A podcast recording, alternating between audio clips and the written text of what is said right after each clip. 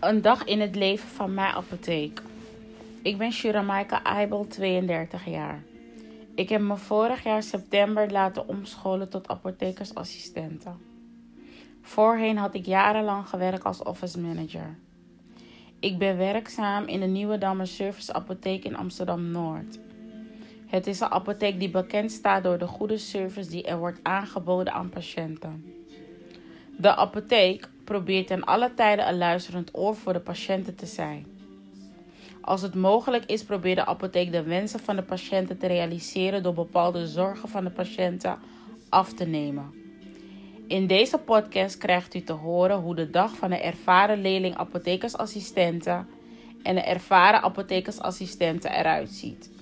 De doelgroep waarmee ik het meest te maken heb in de apotheek zijn ouderen, zijnde 50-plussers. Vele van hen wonen in het verzorgingshuis Kimme in Korthagenhuis in Amsterdam Noord. Wat mij in de apotheek is opgevallen is dat wij vaak op het werk voornamelijk bezig zijn met het klaarmaken van medicatie voor ouderen.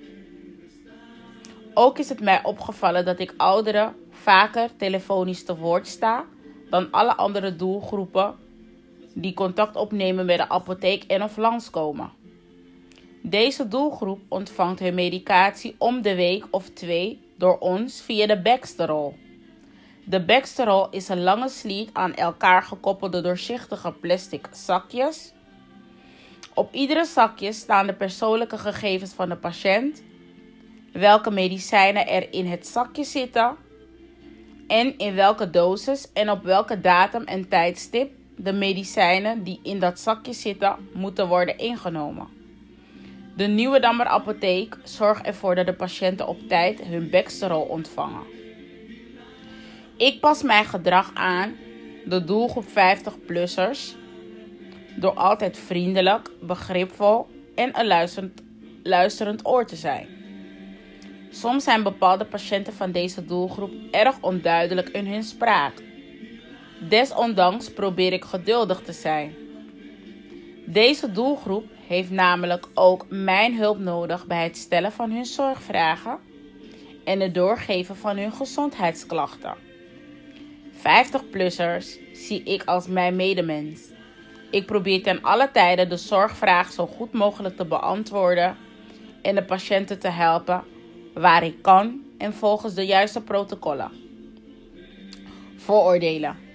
Ik heb wel eens te maken gehad met vooroordelen in de apotheek. De vooroordelen waarmee de assistenten en ik vaak mee te maken krijgen, is dat bepaalde patiënten denken dat de apotheker betrouwbaarder is en meer kennis bezit dan de assistenten. Dat is echter wel ook zo. Maar alsnog, daardoor willen bepaalde patiënten hun zorgvraag vaak niet bij ons kwijt. Ze willen het liefst hun zorgvraag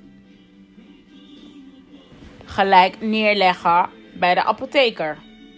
Toch proberen de assistenten en ik zoveel mogelijk met de patiënten in gesprek te gaan om de zorgvraag te kunnen achterhalen en de patiënten op een deskundige manier te kunnen helpen.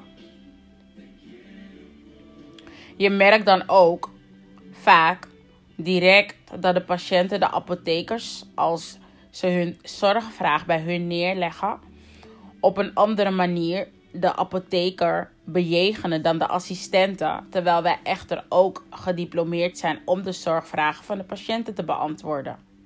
Discriminatie. Discriminatie is wel eens voorgevallen in de apotheek. Wij hebben te maken gehad met discriminatie van vrouwelijke assistenten en apothekers.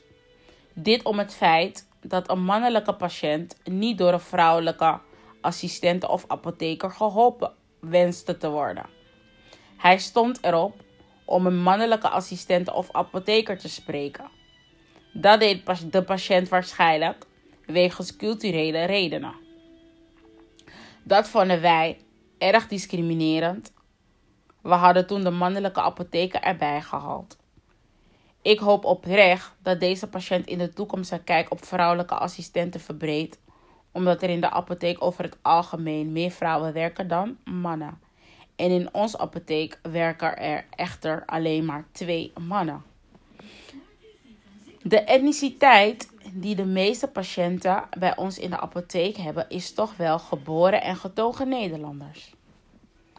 De patiënten die de Nederlandse taal niet machtig zijn in onze apotheek behandel ik precies zoals alle andere patiënten, zijnde zonder vooroordelen. Ik behandel hen op een normale, geduldige manier, zoals alle andere patiënten. De reden waarom ik dit zeg, is omdat het ook mijn moeder of vader kon zijn. Wij zijn ook allochtonen. Ik kan mezelf degelijk ook in hun schoenen schuiven als ze de taal niet machtig zijn. Ik probeer altijd in het Engels te communiceren als ik een patiënt niet kan begrijpen. Mocht dat echter niet lukken, dan probeer ik het anders op te lossen door mijn collega's erbij te halen. Omdat de meeste patiënten al jaren ingeschreven staan bij, bij onze apotheek, kennen mijn collega's hen al. Wat mij onder andere tot nu toe ook is opgevallen, is dat de meeste patiënten die aan de balie komen, die de Nederlandse taal niet machtig zijn, Arabisch of Spaans zijn. Spaans spreken, excuses. We hebben gelukkig collega's in huis die Arabisch en Spaans spreken, waardoor wij deze patiënten toch te woord kunnen staan. Dat helpt en dat is heel prettig. Culturen, seksen en genders. Het is mij opgevallen dat er heel wat artsrecepten binnenkomen voor een bepaalde seks en gender in onze apotheek. Dat zijn de recepten waarop de M3 tenofovir op staan. Deze medicatie wordt door homoseksuelen gebruikt om de groei van het HIV-virus en hepatitis B-virus te remmen. Ik vond het opvallend en vroeg aan een van mijn collega's waarvoor deze medicatie wordt aangeschreven. Mijn collega gaf aan dat we samenwerken met de huisarts die homoseksueel is.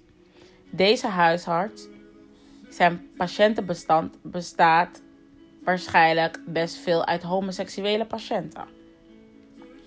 In de apotheek heb ik wel eens te maken gehad met botsende normen en waarden.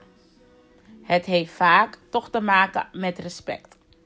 Wat mij opvalt en wat, best erg, wat ik best erg vind, is dat bepaalde patiënten het niet belangrijk vinden om anderen met respect aan te spreken en te behandelen, waaronder wij, assistenten en apothekers.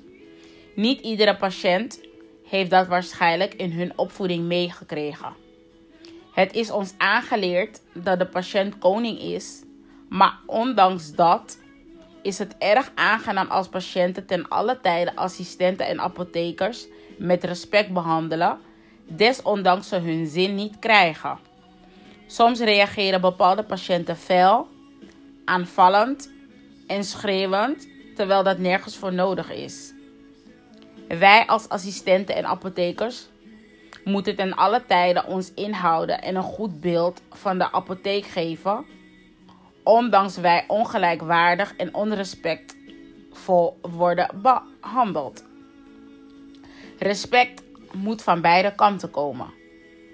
Ik geloof dat dat de prijs is die de assistenten en apothekers helaas moeten betalen voor het uitvoeren van hun functie. Mijn evaluatie over de podcast. In het begin dacht ik: wat is dit nou weer voor een opdracht? Omdat ik nooit eerder een podcast opgenomen of beluisterd had. Er ging een hele andere wereld bij mij open toen ik zag dat het een trend is. Het was een leuke opdracht. Ik heb ook andere collega's bij mijn opdracht kunnen betrekken. Het was best geinig en leuk om te doen. De volgende keer zal ik eerder beginnen met het maken van mijn opdracht zodat ik ook meer tijd erin kan stoppen en collega's zelf kan interviewen en kan opnemen. Nu had ik daar helaas niet genoeg tijd voor. Hopelijk is mijn opdracht naar wens. Bedankt voor het luisteren naar de podcast van Shura Maika Aibo, leerling apothekersassistenten. Einde podcast.